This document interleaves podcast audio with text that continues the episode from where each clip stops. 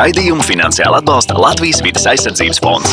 EHR zaļā zona par svarīgāko dabai un cilvēkam.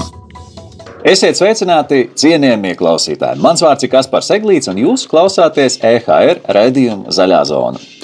Lai saprastu, kādas īpaši aizsargājamās sugas ir sastopamas Latvijas teritorijā, pirmo reizi mūsu valsts vēsturē ir veikta tik apjomīga dabas teritorijas apsakošana un biotopu aprakstīšana, kas plašāk sabiedrībai pazīstama kā dabas skaitīšana. Iesaistīti te ir 400 biotopu eksperti, vairāki desmiti jaunatklātu sugu.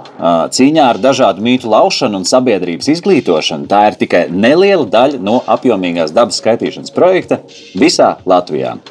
Par to, kā veicas ar dabas skaitīšanu, vai vispār dabu pēc būtības var saskaitīt, sarunāsimies ar dabas skaitīšanas vadītāju Īrisu Mukāni. Sveiki! Sveiki! Um, Dabas skaitīšana, manuprāt, ir tik vispārīgs jēdziens, ka es pieļauju, ka šajā kontekstā pastāv diezgan daudz arī dažādu mītu par šo tēmu. Un mīti, leģendas. Ko var minēt kā populārākos, ko cilvēki nepareizi varbūt domā, kas tas ir? Nu, ka tiek skaitīts viss, kas ir dabā. Īsnībā zem šī vārdiņa dabas skaitīšana slēpjas trīs lielas aktivitātes, un viena no lielākajām ir patiesi dabas skaitīšana, bet tieši konkrēti tiek skaitīti biotopi. Īpaši aizsargājami biotopi. Vārdiņš biotops ir svešs vārds, es zinu. Um, tātad tas nozīmē, ka tā ir dzīvotne, kas ir veidojusies ilgāku laika periodu kādā noteiktā vietā. Nu, Vai varētu teikt, ka cilvēki mēdz uzskatīt, ka tagad visu Latviju pārvērtīs par tādu vienu labu dabas rezervātu, un, uh, un ka tur beigās nekur pat nevarēs spērt soli tikai pa mazām laipiņām, tur purvos un um, mežos? Um, nu, pats process ir noticis jau šī dabas skaitīšana četrus gadus. Kā redzams, uh, nekas vēl nav paravērts par, bio, par uh, rezervātu, un, un nekur nevar soļot. Visur tāpat var turpināt darboties. Bet tā tā interese uh, ir katrā Eiropas valstī uh, saskaitīt šo dabiskās dzīvotnes, tās dabiskos tos biotopus, kas ir saglabājušies, saprast un uh, kopīgi tad uh, lemt gan Latvijā iekšēji, ko mēs ar to darām tālāk, gan Eiropas līmenī, ko mēs darām tālāk. Um, biotopi, jeb šīs dzīvotnes, neveidojas neviena, ne desmit gadu laikā, tie ir vairāki gadu desmiti. Līdz ar to mēs šobrīd faktiski saskaitām to, kas Latvijā ir um, izveidojies un vēl joprojām turpina eksistēt no nu, vismaz savus 30 gadus. Tas nozīmē, ka būtībā pēc kaut kāda laika posma, teiksim, tur atkal pēc 30 gadiem mēs droši vien skaitīsim vēlreiz, un tad būs kaut kas mainījies, kaut kas būs pazudis, nācis klāt. Precīzi. Šī ir pirmreizējā tāda dabas inventarizācija Latvijā. Un līdz ar to šis, es teiktu, būtu tāds liels atskaites punkts, kad pēc kaut kādiem gadiem varēs skatīties un secināt, ir vairāk, ir mazāk, kā tas mainījies. Jo līdz šim um, tādas sīkākas izpētes tika veikts varbūt aizsargājumās dabas teritorijās, bet ne visā Latvijā, kas arī mums bija liels izaicinājums, jo daba tika skaitīta gan privātajās zemēs, gan valsts zemēs, gan pašvaldības zemēs. Nu, tas ir jā, darbs kopā veica ap 400 eksperti gan no Latvijas, Lietuvas, Igaunijas, gan arī Baltkrievijas. Nu, visi kopā strādāja. Kāpēc to nedarīja iepriekš? Kāpēc tas ir svarīgi tagad kaut kādā punktā palicis? Mm. Jo iepriekš jau mums bija cikli, nu, bija 30 gadi, vēl 30 gadi. Kāpēc nu, tagad? Jā, iestājoties Eiropas Savienībā, tas ir kā mājas darbs. Ka ik pa sešiem gadiem mums ir jānodod tas ziņojums, cik daudz kas ir, ko mēs darām, lai tas, kas mums šobrīd ir, paliktu vēl arī turpmāk. Um, vai mēs to saglabājam, vai mēs to iznīcinām, jo iznīcināt daudzas lietas var pavisam ātri. Teiksim, šo biotopu apzināšanu visdrīzāk vienkāršākā cilvēka valodā var saprast, teiksim, ja mums ir vasaras vidus, mēs, mums ir piemājas dārsts ar lielu zemeņdobi, mēs paņemam grozu un tagad iesim skatīties, kas tad zemeņdobē ir izaudzis.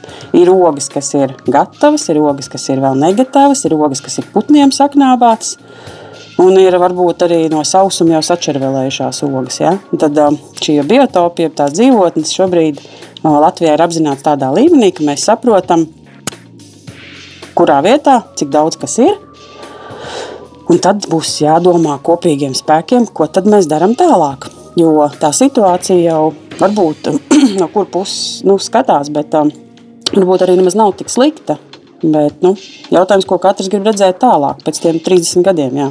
Likās tik uh, interesants uh, process. Nu, uh, Latvijas dabas kontekstā šķiet, 400 cilvēki ir daudz un maz reizē. Jo daba taču ir tik liela, un es pieļauju, ka arī biotopu izmērs taču ir pietiekami nu, atšķirīgi. Kopā ņemt, atšķirīgi, bet kopā ņemts, tur ir pietiekami daudz tā satura. Jā. Um, Nu, tātad tas, kas tiek kā, skatīts. kā notiek fiziski Jā, pats. tā pats tas skaitīšanas uh, process, kā viņš, kā viņš noris un, uh, un, un, un kā vispār to ir iespējams fiziski izdarīt? Nu, viens ir tālāk, kā tiek ņemtas jau esošās datubāzes un dažādi dati, kas ir uzkrāti valsts informācijas sistēmās, gan valsts zemes dienestā, meža dienestā, par to, kas tad šobrīd ir jau apzināts un ir pieejama informācija par kādām teritorijām. Izstrādāta bija speciāla metodika, kā šis darbs ir jāveic. Un fiziski tas tā arī notika, kad dabā tika skatītas sešas dažādas šo biotopu grupas, kas ir meži, purvi, saldūdeņi, kas ietver upes ezerus, jūras piekraste, tās ir piekrastes kāpas un alas un atsegumi. Un šajos sešos dažādajos biotopu veidos ir iekšā kopā 61 dažāds, tas mazākais apakšbiotopiņš saucamais. Tāpēc arī tie cilvēki ir tik daudz, jo cilvēks kā eksperts var būt certificējies vai nu teiksim, skatīties mežus un purvus vai zālājus, lai viņi atpazītu, vai tas ir tas dabiskais biotops vai tas ir tomēr cilvēka veidots. Jo lai to pateiktu, tur ir jābūt pamatzināšanām dabas vai vidas izglītībā. Ko nozīmē cilvēka veidots biotops? Mums arī teiksim, cilvēka veidots biotops ir piemājas zālājs.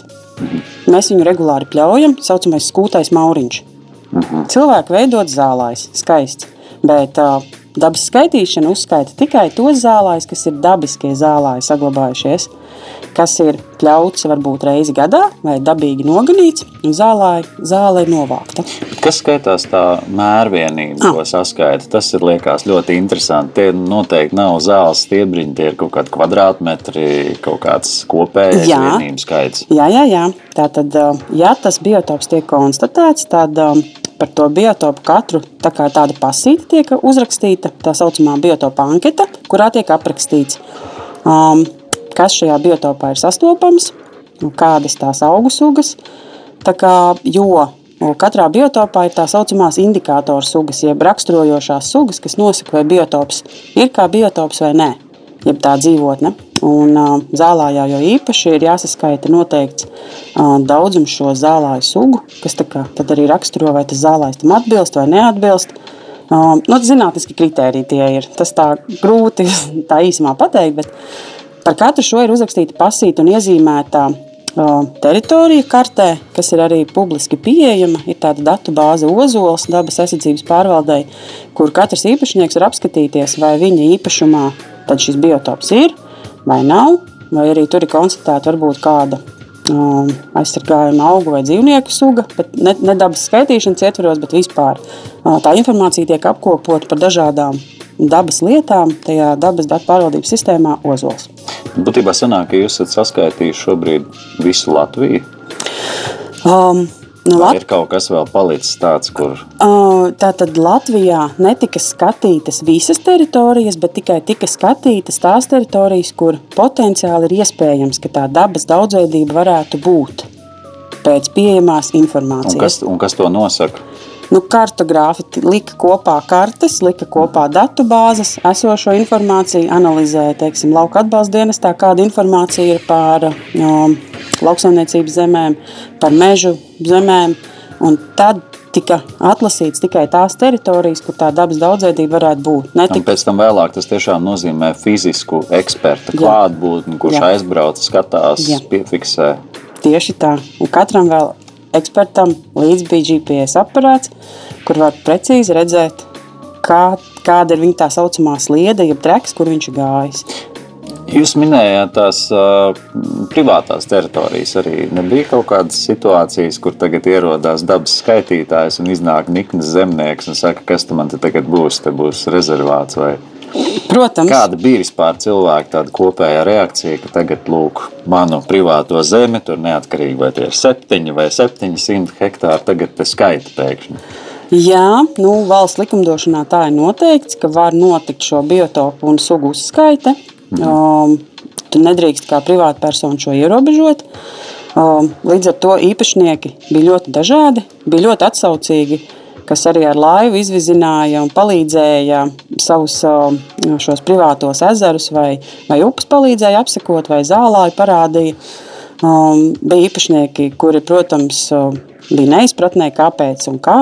Un liels izaicinājums arī bija visiem šiem īpašniekiem, kas šo, nu, katrā konkrētajā gadā tika apsekoti, viņiem tika izsūtīts papīra formātā vēstules par to, ka pie jums nāks dabas skaitītājs skatīties jūsu īpašumā šīs dabas vērtības. Nu, tad bija pirmais bums, protams, kāpēc pie manis un kādā veidā. Es arī kaut ko esmu izdarījis. Jā, jo parasti valsts iestādes sūta nu, kaut kādas netik labas ziņas reizē. Tas, tas stereotips ir iegājies, bet um, daudz cilvēku bija ļoti atsaucīgi un saprata. Um, bija gan gados jauni cilvēki, kas priecājās par to, bet vairāk tomēr bija gados veci cilvēki, kuriem laikam tā Latvijas daba ir varbūt uh, saknē iekšā, nezinu, bet kuri varbūt vairāk novērtē. Un, nu jā, viņi saka ļoti jauki ka tas tiek darīts. Es priecājos, ka man ir šī pļava, ko es varu parādīt, vai, vai mežs, kurā es pats baudu un relaksējos. Nu, jauki, ka, ka tas tiek arī apzināts Latvijas mērogā. Es vienkārši domāju, ka savā ziņā man ir tāds um, personīgi paziņu piemērs, kuriem viņiem ir kempings uh, pie jūras, pie mm -hmm. jūras zonām. Un tad katru reizi, kad es pie viņiem aizbraucu ciemos, viņi saka, ka kārtējo reizi, ka kāds ir atbraucis, kaut ko vai saskaitījis, vai pārbaudījis, atklājis atkal kaut kādu jaunu tur jaunaudas kaut kādu sugu, kaut ko vēl, var sakot, sūnas kaut kādas īpašās tur ir atklāts, var sakot, tagad lūk šo daļu viņiem ir jādala nost. Un iespējams, ka varbūt, ka, nu, ja tas ir saistīts ar tādu veidu uzņēmēju darbību, tāpēc cilvēkiem varētu būt skepsis par to, kā tas tagad būs, ka tagad rekur identificēs mani. Jā, bet tā pašā laikā, ja tev ir jau pamata informācija un tu zini, ko tu gribi darīt tālāk, tad tu vari izvēlēties, vai nu es pirkšu šo īpašumu, kurā ir tās dabas vērtības, un attī, attīstīšu varbūt dabas turismu, vai es varbūt pirkšu otru blakus īpašumu, kurā es varu veidot mototrasi. Nu, tas ir izvēles iespējas. Ja tev šis īpašums pieder, um, tad arī ir izvēles iespējas, ko es tagad darīšu atkal vai veidošu varbūt to izzinošo taku, vai, vai pats vienkārši atļaušos tur gulēt saulītē savā mhm. zālājā un skatīties, kā bites apkārt uh, zumina, vai veidošu kaut ko atkal industriāli tālāk. Tas nozīmē, ka var gadīties, ka pēc šādas dabas saskaitīšanas, to, ja tā ir uzņēmēja darbības teritorija, ka tur nākās kaut ko pamainīt cilvēkiem. Lielākoties uzņēmēja darbības teritorijā šīs dabas daudzveidības faktiski nav. Nu, tāpēc es minēju, piemēram, teiksim, kempings vai ir kaut kāds teiksim, tur. Kempings jau pats, ja viņš atrodas piekrastes zonā, tad nu, valstī darbojas likumdošana, kas ir spēkā esoša. Tas nozīmē, ka tas, kas ir spēkā esošs, tas mums jāievēro. Papildus teiksim, īpaši aizsargājums dabas teritorijas tieši biotopiem netiek veidotas. Mikroliegumi, ja ir tāds vārdiņš, droši vien, ir kaut kas dzirdēts, varbūt liekas bīstams. Jā, tad mikroliegumi tiek veidoti pat kādām konkrētām sugām. Bet tas ir bijis cits stāsts, un dabas skaitīšana īstenībā ar to neiet kopā. Tas ir, tas ir paralēli notiek un ir noticis visu laiku. Tas process droši vien arī turpināsies, protams. Jā. Nu, tas vairāk, protams, paturpinot to stāstu, kad no valsts tiek saņemta vēstule, un tad liekas, ka tagad man būs lieguma. Vienkārši tas, ka cilvēkiem, protams, ka ir kaut kāda skepse, iepriekšēja pieredze, tāpēc radās mīti, bet gala rezultātā jau mēs visi uh, kaut ko no tā iegūstam. Tiešām bez mērķa tas noteikti nav. Tad, tad kas ir tie galvenie ieguvumi, nu, ko mēs kā Latvijas valsts tagad no šīs skaitīšanas uh, esam jau ieguvuši un ko mēs iegūsim vēl nākotnē. Jā, tas, uh, tas ir apkopojums par šiem datiem. Tātad tie dati visi glabājas vienu vietu par to, kur tad ir un kādas ir tās dabas vērtības. Uh, Protams, ilgtermiņa iegūms varētu būt, kā jau minēju, kaut kāda šī līdzsvarošana un darbošanās un plānošana, ko kur darīt tālāk. Jo ir vairāki gadījumi, kad īpašnieki paši piezvan un saka, paldies. Tagad zinu, tiešām mototrasi ierīkošu šajā posmā, bet otrā pusē atstāšu dabīgo zālā, jo man ir izvēles iespējas, mans īpašums to atļauj. Nu, teritorija tik liela. Pašvaldībām ļoti daudz ir tagad, nu, šī vides un zaļā domāšana man šķiet arī populāra. Un, uh, arī pašvaldības izveido kaut dabiskus zālājus pilsētas centros, lai tā daudzveidība tika būtu. Jo, Dabisks nu, zālājs skaitās tas skūtais, kā jūs minējāt. Mēs ļaujam viņiem augt. Kā... Dabisks zālājs jau pilsētas centrā varētu būt reti kur, bet uh, ir pilsētas, kas to veicina, jā, kad, uh, ka viņām ir palikušas šīs dabiskās, nu, nosacīt dabiskās pļavas, un viņi turpina viņas uh, nopļaut reizi gadā un ļaut tiem cilvēkiem paskatīties, cik dažādas tās augu sugas ir tur. Jo dabiskā zālājā faktiski ir vairāk kā 15 dažādas augu sugas vienā kvadrātmetrā. Vai pat iespējams līdz 50 dažādām augu sugām. Tas ir ļoti daudz. Mhm. Nu, ja tā paskaita, ie, ieejot un meklējot tos dažādās zālītes. Um, jā, tie būtu tie galvenie, bet īpašniekam pašam.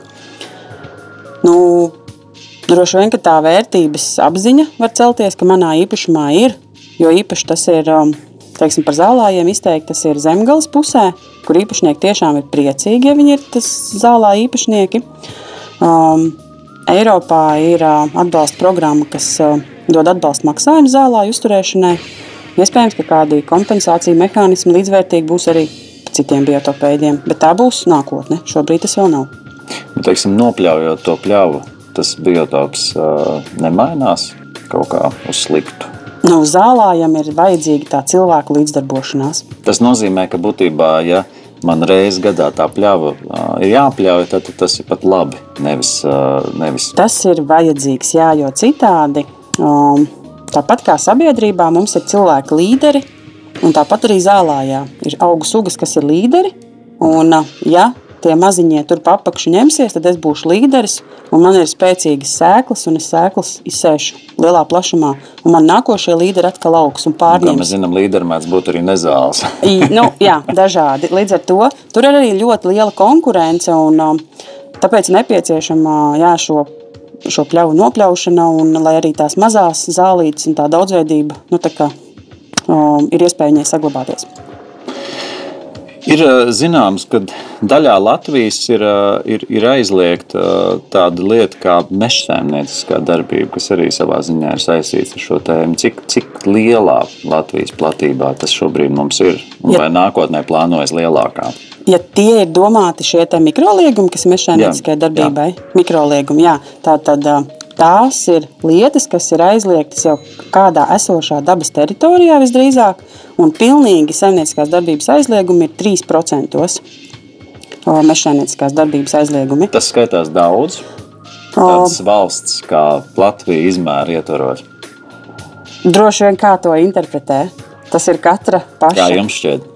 Kā man šķiet, uh, nu, skatoties tos datus un to situāciju Latvijas dabā, kāda ir pēdējos gados, es teiktu, ka tas nav daudz. Jo, um, protams, vienmēr būs diskusija uh, biologam un mežoniekam, kas ir mežs. Tāpat nesen man bija telefona diskusija ar vienu zemes īpašnieku, um, kas ir mežs. Viņš ir iestādījis mežu jaunaudzi. Viņš saka, man jau ir mežs. Viņš ir divus gadus vecs mežs. Jā, protams, bet tā daudzveidība, kas ir simtgadīgā mežā un divus gadus vecās mežā, nu, saucamajā mežā, tā ir pilnīgi atšķirīga. Un biologs par mežu sauc noteikti teritoriju, kur ir vismaz 50 gadus veci koki. Mežonieks to varbūt vērtēs savādāk. Tā šī diskusija vienmēr būs.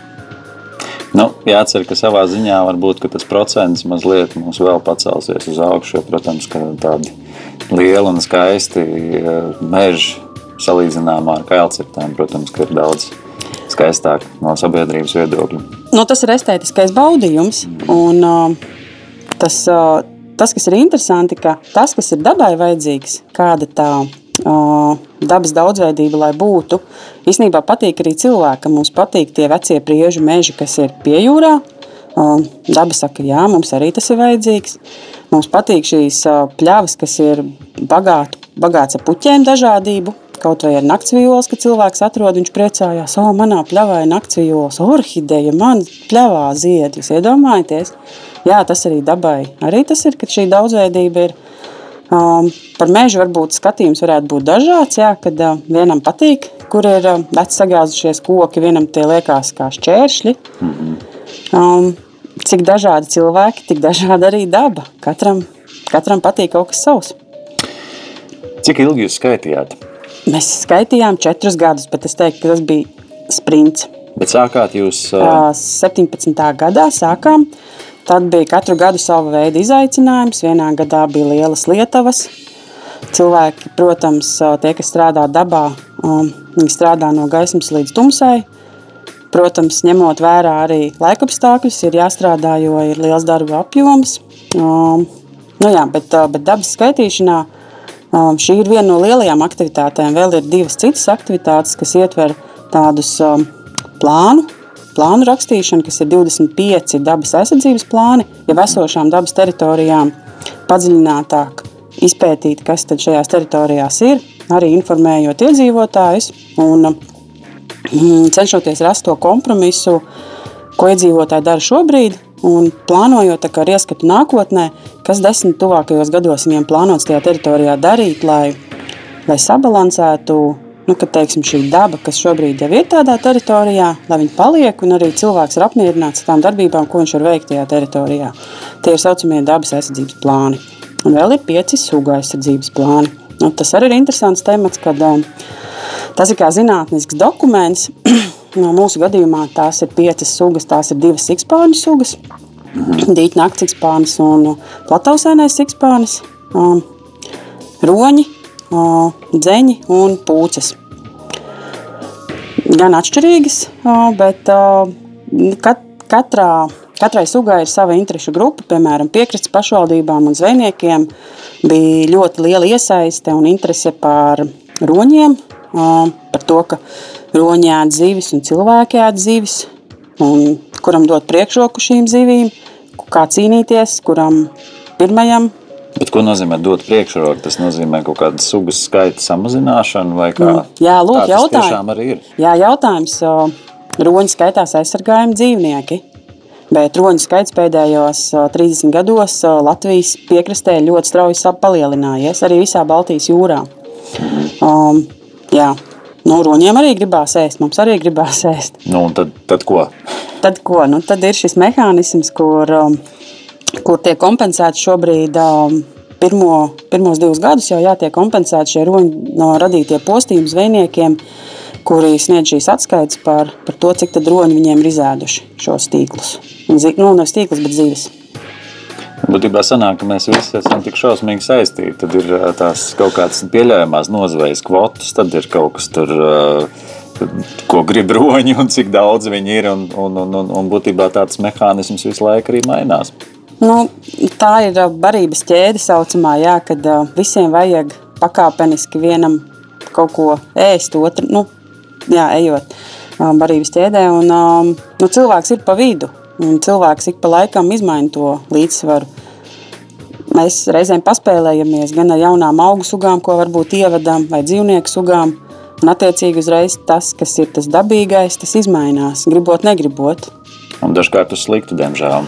Diemžēl reizēm tie ir eksperimenti. Jā, nu, tas, ko varbūt var ieteikt visiem, ir padomāt um, par kādu konkrētu vietu, kā es viņu iztēlojos pēc noteikta gadu skaita, un kas ir tas labākais, ko es šobrīd varu darīt, lai tas tā būtu.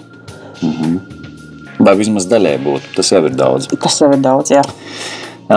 Jūs minējāt, ka tas ir savā ziņā Eiropas Savienības mājas darbs. Nu, mājas darbs mēdz pārbaudīt, vai jūsu datus arī kaut kādā veidā pārbaudīs kāds. Vai eksperti ir veikuši pareizus mērījumus, pareizs skaitījumus? Jā, mūsu mājas darbu jau pārbauda paši zemju īpašnieki, mm. jautājot, vai tiešām ir būts un lūdzu šos pierādījumus. Eiropas kontekstā ir tā, ka ir tāds Mums ir lielceļu tīkls, un Eiropā ir tāds Natūra 2000 tīkls izveidots, kas ir aizsargājumām dabas teritorijām. Un, uh, um, jā, tas tiek analizēts un skatīts, kā, šā, kā šīs dabas teritorijas iekļaujas tajā Eiropas kontekstā, kopā kā šie lielceļi viens ar otru savietojas, mhm. un vai tā sugu, sugu kā saucamā, um, tā pārēja ir iespējama. Tāpat kā mēs pārvietojamies, arī sugas pārvietojas pa tiem saucamajiem ceļiem. Un tad šis natūra tīkls arī, kurā tiek veikts monitorings, jeb uzskaita ik pa laikam, tiek skatīts, vai tur kaut kas stipri mainās, vai maz mainās, vai nemainās. Jo mums tikai liekas, ka viens kaimiņš noindē bites uz savu lauku un viss kārtībā. Bet īstenībā tas ietekmē ļoti, ļoti daudz tālāk. Jo, nu, ja padomā, tad cik mums daudz dod bites, tādi mazi kukainīši. To mēs nemaz reizēm varbūt neapzināmies, bet ja sākam analizēt, tad tie ir gan medus produkti, gan apateksnēšana, kas attiecīgi nozīmē um, daudz, daudz citus produktus tālāk. Nu, lauksaimniecībā ļoti daudz. Bet ko, piemēram, darīt, ja, piemēram, nu, nezinot par tādu atklātu bioloģisko, bioloģiski vērtīgu zālāju, piemēram, esmu šo zemes vērtību, teiksim, nu, kā saimnieks jau pārveidojis. Nezinu, tur, piemēram, ir izcirts kaut kādi krūmi, uzārsts, tur apmežojies, tur kaut kas dīķis.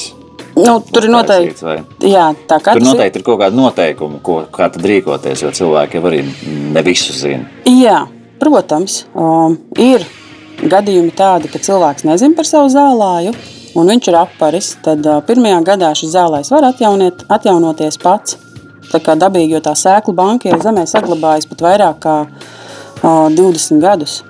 Uh, līdz ar to ir iespējas atjaunot šo zālāju. Uh, ja viņš tiešām vēlas, bet ja viņš vēlas audzēt burkānu, tad viņš to var arī darīt. Viņš var turpināt tā saimniekot.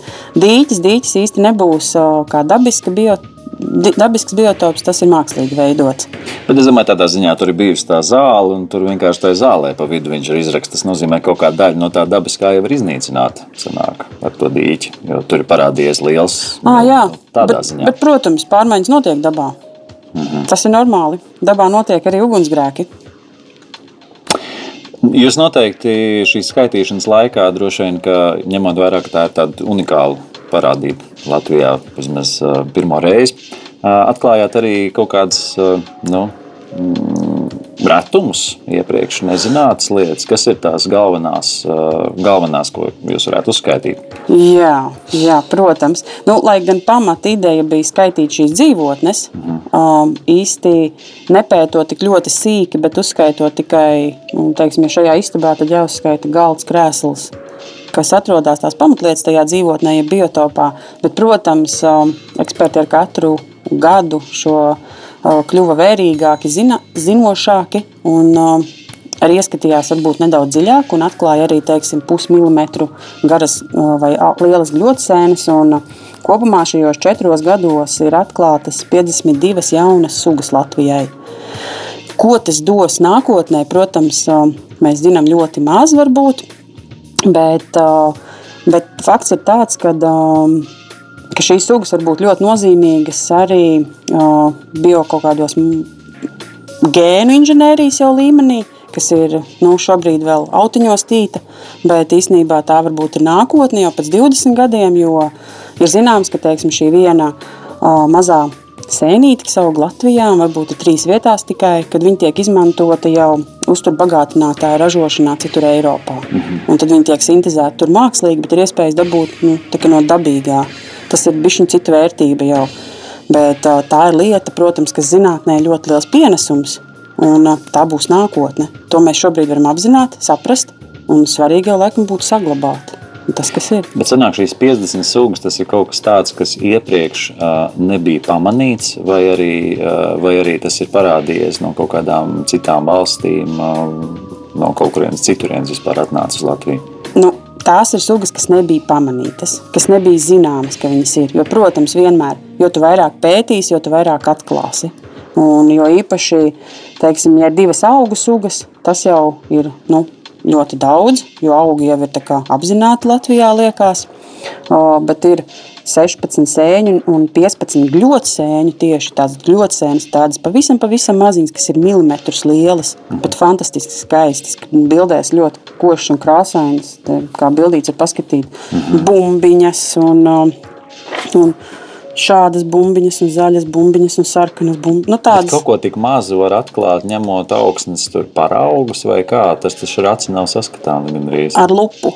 Ar Eksperts ar lupu. Eksperts ar lupu skatās. Eksperts ar lupu skatās mežā. Eksperts mežā skatās ar lupu, jo arī sūnas var noteikt dažas ar lupu. Jā, Tas viņam... pēc lielas veiksmes. arī, bet, ziniet, ir tā, ka viņam ir jāiet, viņam jau ir savu vīziju par to, kur tad varētu būt. Ir zināmas tās vietas, kur tad um, nu, mežā. Tas tāpat kā lielpilsētā, kad tu iebrauc, tu redzi, ir bagātais māju kvartāls un ir nabagāks māju kvartāls. Un tad tu jau saproti, kur tās īpašās vērtības varētu būt apmetušās. Jā. Nu, no atradumiem vēl noteikti var pieminēt, ka ne tikai dabas lietas, bet arī kultūra lietas tiek atklātas. Skaitīšanā ir atklāti arī divi jauni pilskalni Latvijai un vairāk kā desmit jaunas salas, kas -hmm Tepat Latvijā vien eksistēja. Kur ir jaunie pilskalni? Uh, viens ir Kurzemē pie Dundagas, un viens ir uh, Latgalē pie, beidos samalot, nu šķiet bija pie Rēzeknes. Rezidents pusē. Tad potenciāli pašvaldībām parādās iespēja radīt jaunas nu, kultūra vietas, kur cilvēkiem doties un arī, veikt arheoloģiskos izrakumus iespējams. Jā, arī. Jā, kad, nu, teiksim, tā dabas apzināšana nav tikai tikai saistīta ar vidi vai dabas lietām. Tas ir um, nu, daudz, daudz plašāk. Tāds ir. Um, nu, runājot par šo plašo dabu, tāds uh, pašā noslēgumā jautājums. Uh, dodoties dabā, ko jūs novēlētu cilvēkiem? Noteikti, ja dodamies ar sviestmaizītēm, nenomest sviestmaizīšu papīru dabā, bet paņemt līdzi atpakaļ un iemest atkritumu urnā. Bet, bet tieši vērtējot Latvijas dabu, es novēlētu katram Latvijas iedzīvotājam aizbraukt uz, piemēram, uz purvu gan ziemā, gan pavasarī, gan vasarā, gan rudenī. Četros dažādos gada laikos pabūt vai nu pie ūdeņiem, vai nu purvā, vai mežā, vai pļavā un paskatīties, kā viņas atšķirās. Jo tās krāsas, un jo īpaši purvu krāsas, man šķiet, ir fantastiskas. Mums taču ir arī tagad modernās tehnoloģijas. Var uzņemt, piemēram, bildīt vienā un tajā pašā vietā. Jā. Nofotografēties ar ģimeni, piemēram, ziemā, rudenī. Un salīdzināt. Un pēc tam salīdzināt, kas ir mainījies. Jo īpaši tas ir iespējams no nu, šī gada laikā, droši vien, kamēr vēl ir pandēmija. Jā, un cerēsim, ka cilvēki tikpat daudz arī dosies dabā, tad, kad mēs būsim tikuši cauri šim visam. Protams, un tad būs īpaši jauki skatīties un novērtēt to, kas mums ir. Teikšu lielu paldies par sarunu. Klausītājiem atgādināšu, ka šodien pie mums ciemos bija dabas skaitīšanas vadītāja Irisa Mukāna. Paldies! Un, dodamies dabā un klausāmies EKR redzējumu Zaļā zona. Paldies! Raidījumu finansiāli atbalsta Latvijas vidas aizsardzības fonds.